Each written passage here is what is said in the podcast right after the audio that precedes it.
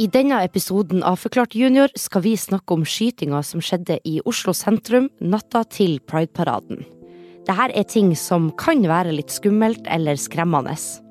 Så husk at det er lov til å pause episoden hvis du trenger det.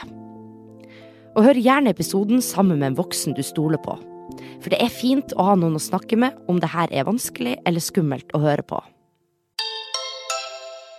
Det er flere som sitter igjen med mange spørsmål etter skytinga i Oslo sentrum, dagen før Oslos gate skulle fylles med folk som skulle feire pride og gå i parade. Pride er for mange en stor fest. Men det er også ei markering for like rettigheter, mangfold og at man kan elske hvem man vil. Vi har fått hjelp fra Kari Mette Hole, som er journalist i Aftenposten Junior, til å svare på noen spørsmål om angrepet og avlysninga av pride-arrangementene. Og Kari Mette, hva det var som skjedde? Eh, dette var en veldig varm kveld i Oslo, og det var veldig mange mennesker ute.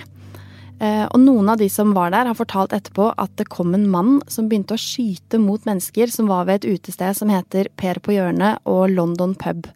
Og London pub det er kjent som et populært utested for skeive. Eh, og skeive er altså et ord som beskriver alle de som ikke er heterofile. Altså blant annet homofile og lesbiske og transpersoner. Eh, og da dette skjedde, så var det mange som ringte til politiet, og politiet kom i løpet av noen få minutter og fikk tatt denne gjerningspersonen, eh, sammen med hjelp fra andre personer som var i nærheten. Hvor mange ble skada? Vi vet at to personer ble drept i angrepet, og det var 21 personer som ble skadet. Men alle de som ble skadet, er nå ute av det som legene kaller for livstruende skadd. Og det vil si at det ser ut som alle de kommer til å overleve. Hva vet vi om hvem gjerningspersonen er, og hvorfor han gjorde det han gjorde? Det er en 43 år gammel mann, eh, og han er norsk statsborger, som det heter, og har bodd lenge i Norge, men han kommer opprinnelig fra Iran. Vi vet ikke ennå helt sikkert hvorfor han gjorde det, fordi han har ikke hatt lyst til å snakke med politiet og svare på spørsmålene fra dem, men politiet mener at mannen har begått både drap, forsøk på drap og terror. Og terror det betyr jo at det er noen som bruker vold for å skape frykt og gjøre folk redde for at det kan skje igjen. Terrorister gjør dette for å oppnå noe, bl.a. at deres meninger skal bli hørt.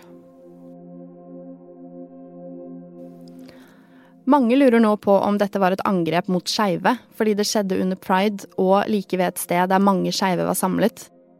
Vi vet ikke om dette var målet til gjerningsmannen, og at han skøyt akkurat der fordi det var veldig mange skeive der.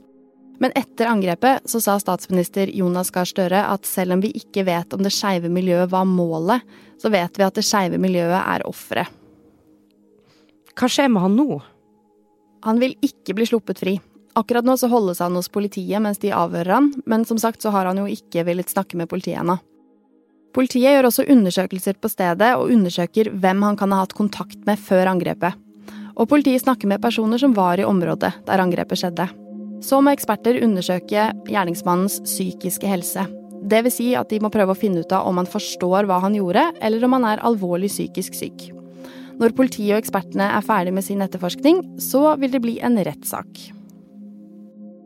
Hva skjedde med Pride-paraden? Dagen etter angrepet så skulle det være en stor parade i Oslo sentrum. Men den ble avlyst fordi politiet ville være helt sikre på at ikke noe mer alvorlig skulle skje. I år er det 50 år siden homofili ikke lenger var ulovlig i Norge, så dette skulle jo være en veldig spesiell og stor markering. Men selv om paraden ble avlyst, så var det mange mennesker som likevel samlet seg og gikk i tog. De ropte annet 'Kampen fortsetter'.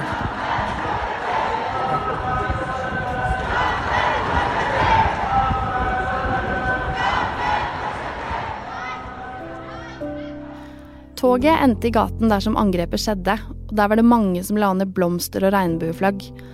Og noen gråt, og mange var veldig triste. Og så var det andre som ikke gikk i tog, men feiret pride hjemme eller med familie eller venner. Og noen valgte rett og slett å holde seg for seg selv den dagen.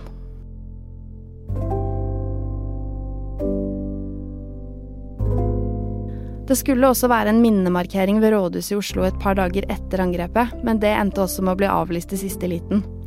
Mange mennesker møtte likevel opp og hadde med seg regnbueflagg.